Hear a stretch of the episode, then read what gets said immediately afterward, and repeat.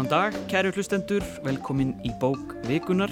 Í þetta sinn ætlum við að rýna í skáldsöguna Meira eftir tyrknæska reytöfundin Hakan Gundæ. Bók sem kom fyrst út árið 2013 og hefur síðan verið þýtt á fjölmörg tungumál og vakið heilmikla aðtegli víða um heim.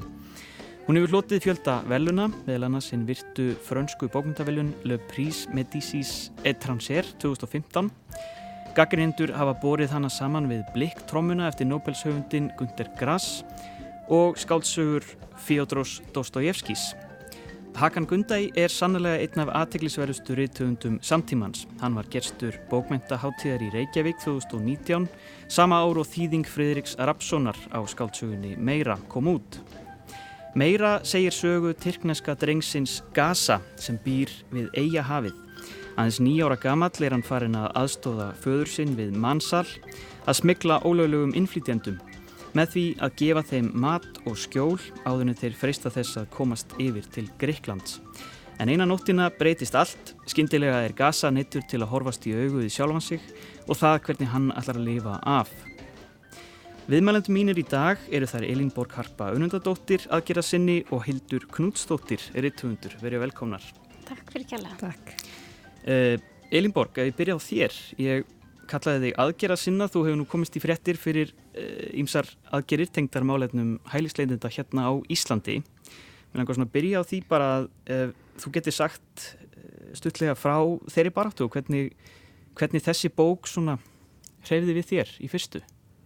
Já, um, baráttan gegn landamærum á Íslandi er svo sem svolítið sérstök af því að við erum eiga og það er erfist, fólk kemur bara með flugvill svo gott sem, þú veist, það er eiginlega bara komið með flugvill og okkar, svona mitt starfi mest falist í því að reyna að mm, kannski tengjast uh, þessum hóp fólk sem að kemur yngað í þessum flugvillum og er ekki með svona bara afmáð algjörlega úr samfélaginu.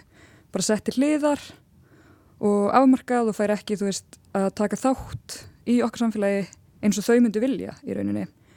Og barðan fælst mikið í því að bara eiga í samræðin við þau og fylgja svo því sem þau vilja gera og hjálpa þeim einhvern meginn, styðja því því að koma sínum kröfum á framfari og það var rauninni sem gerist mikið í fyrra, þá voru við með hann nokkru svona mjög svona basic kröfur, bara grundvallar kröfur sem voru náttúrulega bara stöðun brottflutninga mm. um, að því að brottflutningur er bara þvingunur úrræði, einhvern veginn einungi spygt á uh, þeim grundvalli að við teljum okkur eiga meiri rétt á búið öryggi heldur en fólk frá öðrum stöðum. Um, svo var verið að afnæta diplunareglugjörni, verið að byggja um það að stjórnvöld hérna um, misbytt ekki diplunareglugjörni að sammagnaðu gera, sem, sem er í rauninni bara að senda alla í burtu um, uh, út af diplunareglugjörni. Mm. Um, svo voru síðustu þrjár uh, kröfunar sem voru eiginlega bara svona hunsaðar af því öllum fannst þetta svo svagla rótækt sko um, en hinn að þrjáru bara aðgeng, að, ja, aðgengi að heilbyrðiskerfi heilbyrðistjónstu rétturinn til að vinna sem er bara mjög algengur vísverði í Evrópu, bara hælslendur vísverði í Evrópu geta unnið á meðan á mál, málferðlunum þeirra stendur mm. og það var þannig á Íslandi líka og svo var það í rauninni afnumið og þetta er sko svakalega skorður skerting fyrir þau, skerðing fyrir þau mm. og þeirra lífskeiði um, og svo síðasta krafan var í rauninni bara einangrunin um, yrði afnuminn um, þá sérstaklega með því að búðirnar, flótumannabúðirnar á Ásbrú eruðu lokaðar eða þá að veist, fólki sem að þar dvelur uh, eruðu gefin strætókort til að geta ferðast frjálst á milli. Um, það er svolítið leiligt að segja fyrir því að síðan þá hefur þetta bara versnað. Til dæmis voru þessi 10.000 krónur sem er fenguð með debitkorti teknar af þeim og í staðin fenguðu hérna um, kortu þú getur aðeins versla með ákveðnum verslunum. Og nú skilst mér að sé búið að afnema það líka hvað vinnum minn sem býr áspróð segja mér og að þau fái bara hátegisbakka, bara mat heim, bara eins og þau sé í fangilsi og engum pening um, og kannski þetta, svona þessi yðnaður í kringum uh, flótamanna um, bara flótamenn mm. var það sem ég tengdi mest við gegnum bókina Já. þá er það ekki yðnaður smiglara heldur yðnaður uh, þjóðríkjana, vestræðna þjóðríkja og hvað þau er að græða mikið á þessu en vilja samt einhvern veginn alltaf stilla þessu upp eins og þau sé að tapa svaklega mikið mm. og bara einhvern veginn svona mótsegnar, svo mikið mótsegnum í vestræðinu orðræðu um fólksflutninga og, og flótumenn og smiglara meðal annars. Þannig að það, þannig kom ég kannski svona fyrst og fremst Já. inn í þessu bók og hún sló mig fyrst svolítið svona eitthvað að byttu nú við hvað er hann að gera, er hann bara að halda upp þessari sömu orðræðu og vesturinn ríkja verið að gera um bara vonda smiklaran bara svona innilega vonda smiklaran sem er, er eina ástæðan fyrir því að fólki líður svona ömula um, en svo þegar ég fór að skoða bókina betur og les, hlusta viðtölu við höfundin þá fatt að ég hann er að koma alltaf annar átt. Mhm. sem að stemmi líka miklu betur við hérna um, byrjunina í bókinni sem er eitthvað sem bæði til þeirra tilengunin, til þeirra sem mannkinsaðan kviksutur og víðavangi í náttúrulega þjóðana og svo það eina sem er óþúlandi er að ekkert sé óþúlandi það var sem er eiginlega bara besta sendingin í bókinni sko, þó hann hafi ekki skrifað hana.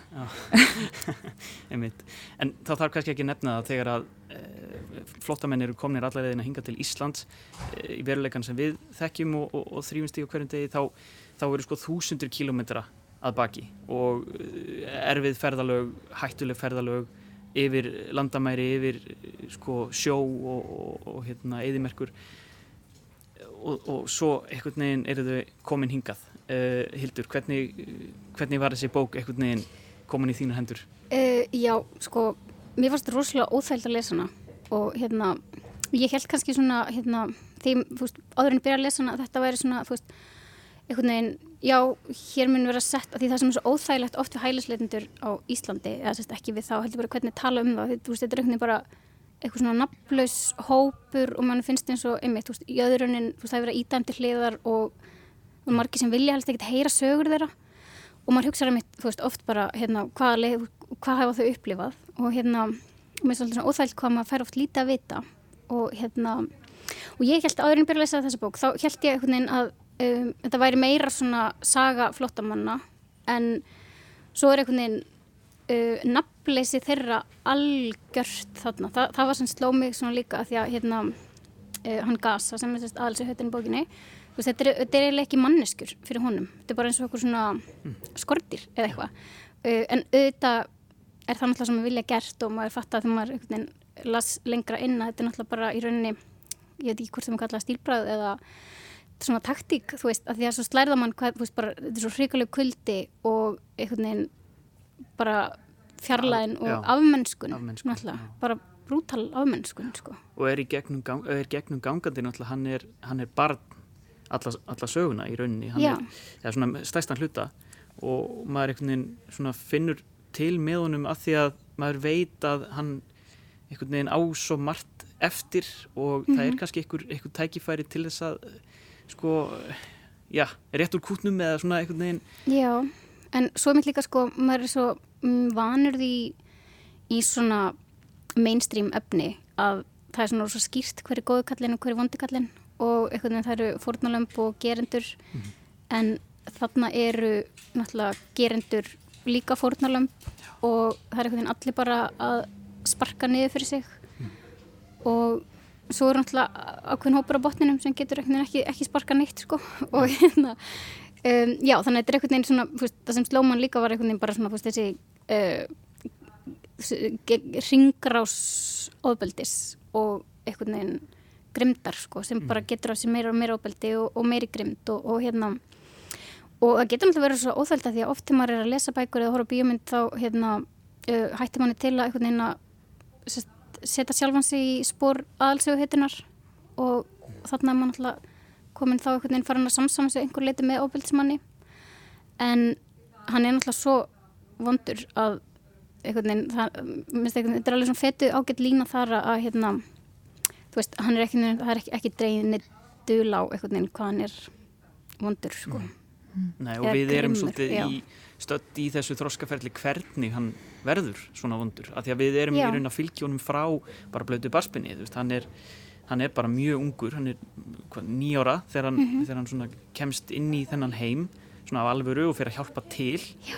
og svo fylgjum við honum svona eh, í gegnum þetta ferli hvernig, hvernig hann fer að hugsa um þetta fólk og síðan hvernig þetta verður ekki fólk lengur í, eins og þú segir Já. sögum, sko. Einmitt, uh, hann, hann verður bara, veist, hann fær náttúrulega rosalega völd í hendurnar og hann, hann er svona eins og kannski, þú veist, krakkar, sem við krakkar leika sér að skortirum, hann er bara einhvern veginn allt í einn komið með einhvern hópa af 50 flottamennum sem hann getur bara leikið sér að í staðan fyrir, um, uh, skortir um, og hérna, en sko, mist, sko hann sér það, mist gasa sjálfur, sjá þetta þannig að hann hafi eitthvað val.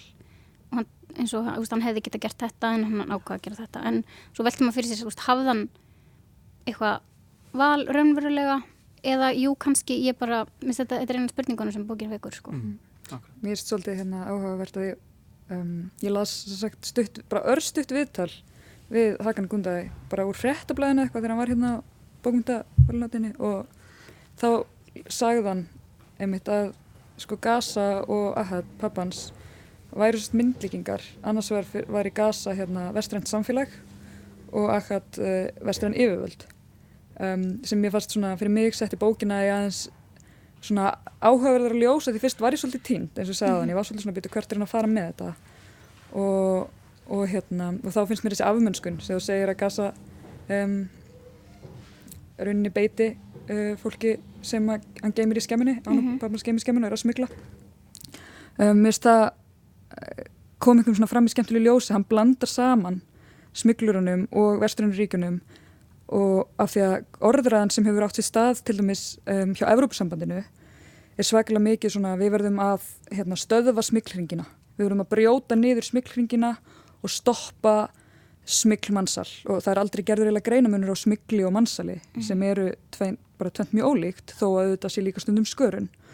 Um, og það er aldrei eitthvað með tekin ábyrð þau áttu sér ekki á að þú veist smiklið er eitthvað með bara og eftirspurn eftir smigli því að það er ekki eins og smiglarnir sé að pína alla til að fara á stað.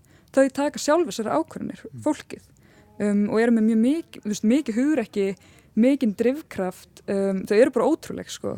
Og um, og þetta er náttúrulega upplýst ákvörðin það ekki, þau vita að einhverju leiti, Já. þau eru náttúrulega ekki alltaf með allar upplýsingar en vissulega er þetta einhverju leiti upplýst ákvörðin og það er aldrei skoða, Europasambandi skoður ekki og yfirvöld skoð ekki, þú veist hvað er það sem er að hérna valda því mm. að fólk fyrir á stað. Mm. byrju við kannski einhver ábráð því?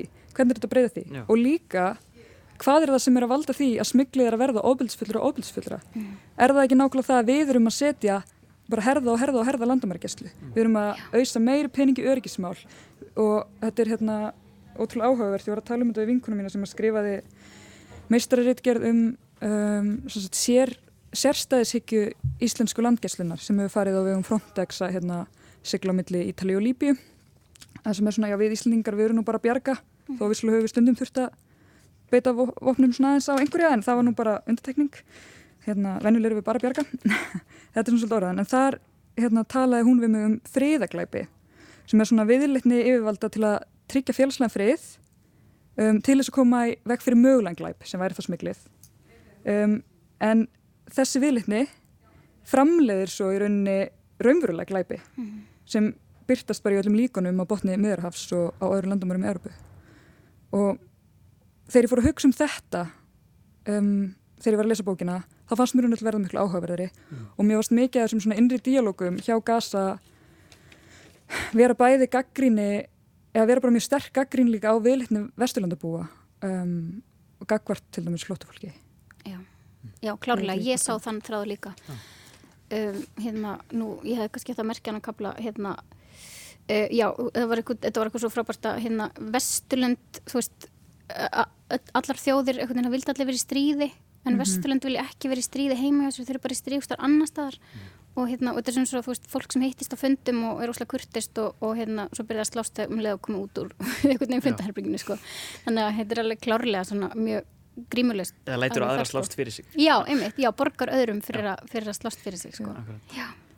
en eh, kannski áðurnu höldum lengra í að svona rína í personur og, og mhm. leikandur mm -hmm. og, og, og atbyrði e, þá skulum við bara hlusta á stutt brot úr upphafi sögunar e, og það er Gunnar Hansson sem les Vestlun frá einum landamærum til annara frá einum vegg til annars Auðvitað stóð afgangurinn af heiminum álengdar og fyldist með. Hann olli alls konar vandraðum til að hindra för þess frá staðnum þar sem fólkið fættist að staðnum þar sem það myndi bera beinin. Hann gerði því lífið leitt með alls konar mælingum á þyngd og aldri. Við letum okkur hins vegar næja að ganga frá málum þversum og langsum. Við fórum með þetta fólk frá helviti í paradís. Ég trúi á kvorugt en þetta fólk var alveg einstaklega trúgjant. Það var því meðfætt. Það hugsa svona, ef til er helviti þar sem stríð geysar og fólk deyr úr hungri, þá hlýtur að vera til paradís, en því skjáttlast. Það var blekt. Enda þótt helviti sé til, er það engin sönnun þess að paradís sé til. En ég skildi það samt. Þetta var það sem því hafi verið kent, rétt eins og öllum öðrum. Þetta hafi verið skrifað á stóra töflu og allir íbúar heimsins hafi verið látnir læraða utanað. Á töflunni sást baráta góðs og íls, helvítis og paradísar. En svo baráta er ekki til og hefur aldrei verið til. Hinn miskunarlausa baráta sem hefð góða og hefð illa eru sögð heia allt til dómstags er mesta blekking sem mannkinnið hefur nokkru sinni verið beitt. Það er eflaust hugsa til að halda friði í samfélaginu og venda valdið sem fyrir er. Því ef menn væru almennt taldir í senn góðir og vondir, hefðu þeir ráðamenn sem kveiktu aðdáðan og fylgtu fólki að baki sér orðið þeir fyrstu sem blettur fjalli á. Það hefði valdið miklum rugglingi og enginn hefði viljað fórna sér fyrir nokkur hlut. En þannig var það ekki og besta aðferðin til að fá fólk til að drepa hvað annað var að hvetja þá góðu til að berjast við hinn að vondu. Þeir sem sögðu, það eru þið sem eru þeir góðu. Meintu með því, farið og drepið fyrir mig. Og þeir sem sögðu, það eru þið sem farið í paradís. Gáðu með því til kynna, þeir sem þið hafið drepið fara beint til helvítis. Þannig skipta paradís og helvíti, gott og ílt, þeirri skeppnu sem stundum er kölluð mannskeppna og setja hana í fáránlega stöðu tvo hluta sem óta hnífum hvorað öðrum. Glúrnum sölumönnum tókst að selja frjálsum mönnum ævilanga hlýðni í umbúðum kenninga um andstæður. Leikurum fólst í því að siga undirgefnum hundum á aðra undirgefna hunda. Byrtan og myrkrið voru ekki andstæðingar. Eini fjandskapurinn sem fyrir fannst var af lífræðilegum toga. To be or not to be. Að vera dauður eða lifandi. Gunnar Hansson las þarna brot úr skáltsugunni Meira sem er bókvikunar á rás 1. Uh, sagan er rosa stór og mikil og það er kannski svona erfitt að eh, reykja sögu þráð í stuttumáli og það eru marga hlýðar, það er, kemur inn á pólitík og, og þetta snertir á eh, einhvern veginn svona stóru málunum í þessum, já, þessum málaflokki. En ef við stiklum bara aðeins á personum við, við, við ferumst í gegnum þetta í gegnum Gaza og við erum kannski svona við sjáum allt í gegnum hans augu og kannski svona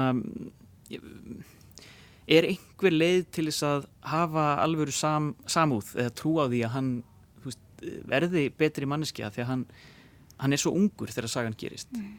er, höfðu eitthvað tíman trú á því? Sko ég veit það ekki alveg, sko það svo ég spóili þá er hérna bókin í rauninni hún svona breytist í að verða svona hérna rétt undir lokin svona hvað er orði á íslensku svona hérna ekki uppreysn æru en svona hann er einhvern veginn að reyna að bæta fyrir og fara og einhvern veginn loka hringnum og, og einhvern veginn hjálpa fólki sem hann hefur verið að nýðast á áður og það komir óslulega óvast að bókin hefði farið þangað því ég einhvern veginn að því að sko þetta er svona ferð hans líka til afmennskunar hann, hann er einhvern veginn á leðinu bara görsamlega út úr samfélagi manna mm. og er komin bara eiginlega alveg út úr því hann getur ekki tala um fólk og getur ekki snert fólk og, og hérna mm. og, veginn, og endanum er einhvern veginn ofbeldur að eina sem að, sem að einhvern veginn hann getur nota til að tengjast öðru fólki. Og þess vegna var ég rosalega hissa að hún hefði farið, bókin hefði svo einhvern veginn stokkið þangað í einhvern veginn svona uh, að hann hefði farið að hérna, einhvern veginn í einhverjum svona synda aflöst sko. og mér fannst sko mér þess að fólki sem hann hitti þar það var einhvern veginn ennþá líka fannst mér svona svolítið svona einhverjar táknmyndir einhvern veginn einhverjar helgimyndir í rauninni sko. Og hérna og ég veit, þú veist, ég veit ekki alveg hvað mér finnst um hvort að mér finnst það trúverðut eða hérna, að vissuleiti það var svolítið svona, þú veist, einhverjum hluta þá létti manni að því þá er, hún, er sagan að fara í þetta hefðbundna gullinsnið sem við erum öll svo hrifna og, og einhvern veginn að en svo öðru, svo, svo öðrum hluta þá er ég bara já, ég veit ekki alveg, ég veit ekki alveg hvað mér finnst um já. þetta sko. En að því þetta er þroskasaga þá förum mm -hmm. við í gegnum það hvernig hann verður þessi afmennskandi mm -hmm. afmennskandi ílmenni og svo förum við niður til heljar að eftir, eftir bílslist það sem hann þarf að húka niður undir klettasillu með, með líkum og svo er hann heimtur úr helju og, og við ferðumst í gegnum já, einhver svona eins og þú lýsir svona nokkur negin uppreist æru mm -hmm. uh, en við kannski svona við verðum einhvern veginn að svona trúa því að, að það sé einhver lausn af því að við erum allan tíman með honum við mm. erum alltaf út frá þessu ég og, og hérna og það er kannski svona erfitt einhvern veginn að, að ég veit ekki, hva, hvað fannst þér?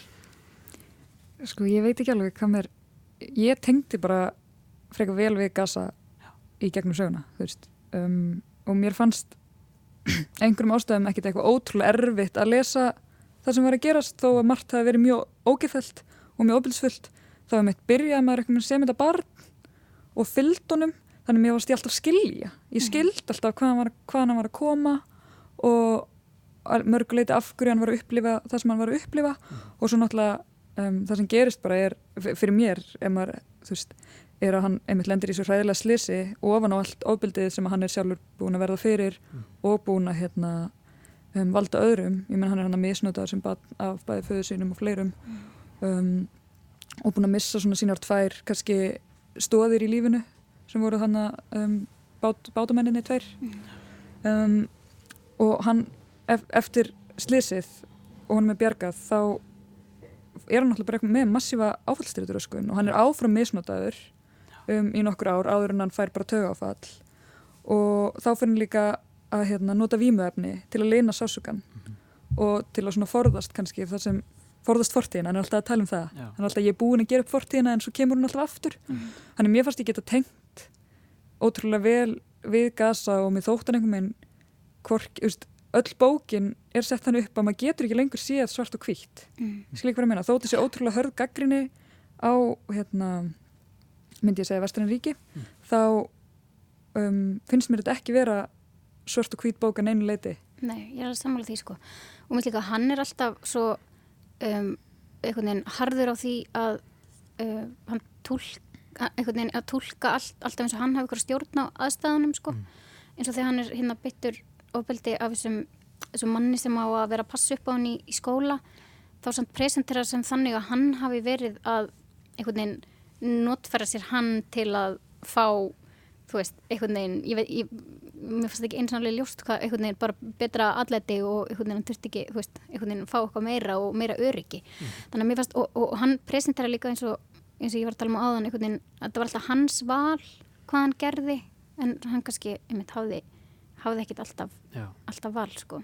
og hann verður í sjálfu sér flótamæður á endanum sjálfur og, og svona afmennskar sjálfan sig eftir þetta slis þar sem hann getur ekki snert fólk sjálfur og, og hann einhvern veginn bara hann týnist og fer eins og segir að, nota vímuefni og svona einhvern veginn þannig að hann er stöðugt einhvern veginn að forðast mennsku í gegnum alla á mismundi fórsendum Já. en svo er hann bráð gáðaður og það er svo stutt eh, á milli þess einhvern veginn að fara þennan niður þennan veg sem hann fer eða að einhvern veginn ganga mentavegin og, og kannski verða góður maður eða, eða þannig. Það er, svona, það er þessi þunnu skil og maður veit aldrei einhvern veginn í hvorum heimi maður, maður er. Mm. Hann er líka alltaf að reyna sko, samfæra eins og segir, hann er alltaf að segja hann hafi stjórn aðstöðum, minnst líka svolítið svona gegnum gangan hann sér hann að samfæra sig um hann hafi ekki samvinskupitt ef hann leiði ekki illa yfir því sem hann hefur gert. En hef, það er svona ótrúlega stert ég fann allan tíman að hann leiði illa. Já og mér fannst það líka mjög stert komment að, að ofbeldi sem að þú beitir er kannski ekki minna skalegt heldur en ofbeldi sem verið fyrir mm. og veginn, þá eru við komin bara yfir í Harry Potter sko Voldemort einhvern veginn að hérna, sálið, þú veist að alltaf að hérna, ef þú drefur einhvern, þá missir þú hluta sálinniðinni mm. og mér fannst það hérna, líka vera svona stert komment að hérna og ég, og ég fúst, fór einmitt að hugsa um þú veist barnastríðismenn einhvern veginn sem eru sendir í stríð og, og látni drepa fólk og, og hérna og hvað það gerir uh, bönnum, þú veist. Og dauðin er alveg, alveg frá upphafi einhvern veginn, hann er svona drivkraftur. Það, hann, þetta opnar á, sko, faði minn er morðingi, þess vegna er ég Já. til.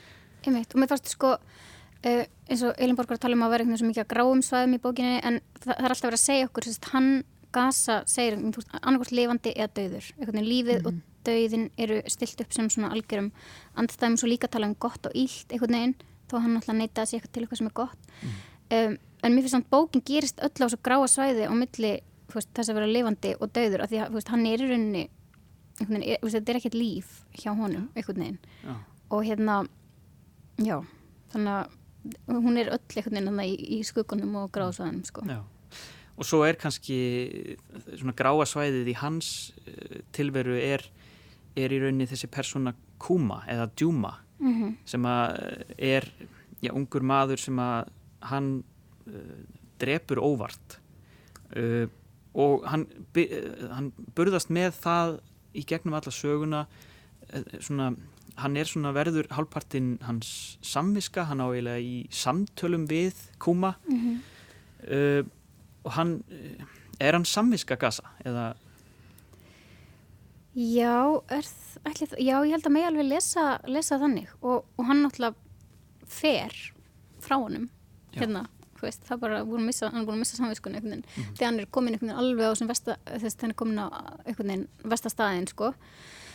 Uh, og svo kemur hann aftur hann undir lokin, sko, þannig ég held að það sé alveg eitt lestur, sko. Og hann bókstallega ber hann með sér hann uh, gerir hérna svona pappírsfrosk uh, fyrir hann í byrjun sögunar og svo Já. ber hann það með sér alla í gegnum alla söguna. Mhm. en uh, svo er líka þetta með endurfæðingu og endurreist og það kemur líka inn á uh, í, í byrjun hvers kabla þá er vísað í uh, svona málara tækni endurreisna listamanna uh, svona hvernig, hvernig þú notar ljós og skugga og, og svona og, og það kannski kemur inn á þetta svona þetta orð endurreist það svona einhvern veginn það kemur svo oft fyrir á ólíkan hátt Mhm. lásuði eitthvað sérstaklega í þessa þessa kapla þar sem hefur verið að lýsa svúmató og, og, og, og fleiri aðferðum til að mála málverk ekkert annað en bara, þú veist, það var eiginlega fyrsta sem að greip mig var hann að þetta, þetta svona svart, byrju, eina fjórum aðferðum málarlistar endursna tíman sem fælst í að draga úr skerpu útlína og milda með því skil á milli lita, ljós og skugga. Já. Þetta var kannski náttúrulega bara þetta fyrsta hann og, og þetta er það sem mér fannst vera bara merkilegt um, út alla bókina og ég hefði alltaf í hug út alla bókina. mm. Um, ég veit ekkit um málarlist enduristna tímans, veist, þannig Já. að þetta var ekkit eitthvað svona mikið mikilvægt input fyrir mig þannig séð en náttúrulega gott að hafa skilgreiningarnar fyrir neðan þannig að ég gæt ímda mér þetta. Og þetta leitaðist ég alveg við að sjá um, í köflunum, sérstaklega þegar að koma hann að breyta litum, ég held að næstu tvö séu svona um að breyta eitthvað minn litblæfum með því að setja nýja liti í og þá breytist algjörlega stemmingin í myndinni og þú veist, maður sá alveg svona hvernig Gasa var kannski svolítið að reyna það eða eitthvað kom fyrir sem var þetta nýja litbræð sem að breytti bara öllu Já. fyrir hann Mm. um, en annars tengdi ég ekkert mikið sko. Já. þetta gefur svona tónin fyrir Já. hvert kapla einmitt, ég er einmitt hvernig þú að þeir heldur í ég er bara mjög illa sko hérna, og hérna, ég er líka um svo lélega rýmiskrænt, ég get ekki svona sé fyrir mér svona, þú veist, að vera að tala um skarpa línu eitthvað um, en mér fannst þetta einmitt vera bara svona, kannski svona komment á það hvernig uh, frásagnar á, aðferðin uh, hefur áhrif og hvað maður dregur fram og hvað maður skilur eftir skuggunum og hversu djúpi skuggunar eru og hvernig maður lita það og svona sko Mhm. um, já, þannig að það var svona eiginlega þannig sem að ég skildi þetta sko Já, akkurat.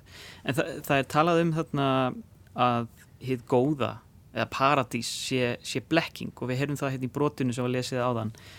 Um, er, er þið samála því eða eh, svona út frá þessu sem að hann gasa upplifir þá, þá verðist ekki vera til neitt annað en bara eh, helviti og, og, og umurð en, en kannski svona ég veit ekki, hvað Já, þetta er náttúrulega mjög svona nýhílísk afstæða þarnas og, og svart sín uh, en náttúrulega fyrir náttúrulega mjög marga er lífið bara mjög skýtt og, og maður náttúrulega gleymir oft hvað það er í rauninni brothætt einhvern veginn, þetta hérna mér finnst líka vera, þess, í bókinu alltaf mikið tala um hvað sé stutt í ofbeldið og einhvern veginn að mannskeppna sé ofbeldsfull og einhvern veginn og að það sé bara svona svolítið tálsýna hvað við erum siðmentuð og eitthvað svona mm. og hérna og ég held að það sé alveg holdt fyrir okkur hérna að hugsa um ég held að mjög mikið af fólki það sem er sem býr í landa sem er stríð þeim dætt ekki hug fyrir nokkur árum að þau geti verið í þeirri aðstöðu að þurfa að flýja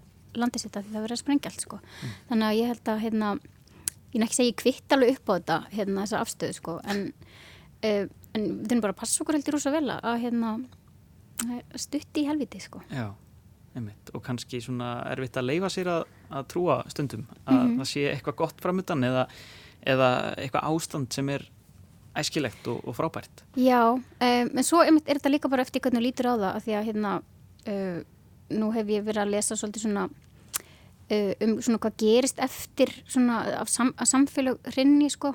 Og það virðist bara fara svolítið eftir hver að segja söguna af því að mm. það er mjög fyrirferðað mikið í fjölmjölum og ég menna í zombimyndum og eitthvað svona að það verður bara algjört siðleysi og, og hérna. En svo var ég að lesa um bók sem ég er ekki búin að lesa hérna, sem ég man alltaf ekki hvað heitir það sem eru að gera rannsóknir á hérna samfélagum sem að verða eitthvað svona katastrófur og þá er oft bara við bara að fólk snýr bökum saman og allir vinna saman og, og hérna og eitthvað neinn, þannig að ég held þessi líka svolítið svona hvaða myndpresentir eru sko.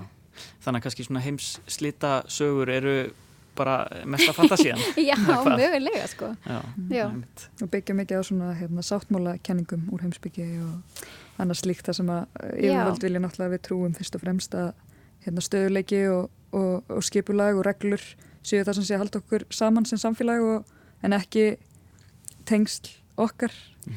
Já, með. nei, algjörlega og ég var að lesa líka svo goða greiningu sérst, hérna, einhvers heimsbyggings að þetta er bara allt sko lígi feðraveldisins að það þurfi eitthvað svona allt um líkjandi föður til að verja okkur kakvart óknum, þú veist að því að hérna, við þurfum ekki að óttast annað fólk, að því að þú veist annað fólk er ekki óknin, það er bara kerfið sem er óknin, sko Já. En mér fannst þannig að með paradísar um, hvað segir maður, paradísar kommentið þá það sem ég hugsaði er eitthvað svona paradís er bara ekki aðgengileg fyrir ótrúlega marga hópa líka í samfélaginu okkur í Íslandi mm. veist, og það er ekkert eitthvað svona tilviljun það er alveg hérna, verðir fyrir utan hliðið að paradís sem að hleypa ekki ákveðinu fólk inn og ég er ekki, ein, veist, ég er ekki bara að tala um eitthvað svona landamæraverðir skilji, ég líka bara meina við og mér finnst í rauninni að þetta paradísar hérna, þessi partur sem er að tala um að paradís ekki til og svolítið ætti að vera lesin um, með klausu þar sem hann er að hérna, segja svona tala við flóttafólkið og veist, heldur þau að það sé beðið eftir og þeir eru tekið opnum örmum þegar þú kemur sko til Európu fáviti getur þau verið, skilur ekki að þú ert einskis virð á áfangstöðnum mm -hmm. og svo heldur hann áfram að útskýra hvernig enginn vil sitta hliðin ári strætó, mm. enginn mun vilja heilsa þær með hreimnum, enginn mun vilja og þú veist að þeir eru að heyra hreimiðin og svona alls konar svona litli lutir um, sem gera það verkum að við erum um, þáttekundur í því að loka partís fyrir svaklega marga. Mm -hmm og þetta er ekkert að yfirfæri líka yfir til dæmis á föllunafórdóma og bara margt, margt, margt annað fórdóma eitthvað hvert fólki sem notar vímöfni í æð og þú veist bara það er svo margir hópar í samfélaginu sem að við um, tökum öll bara svona virkan þátt í að útiloka frá partís mm.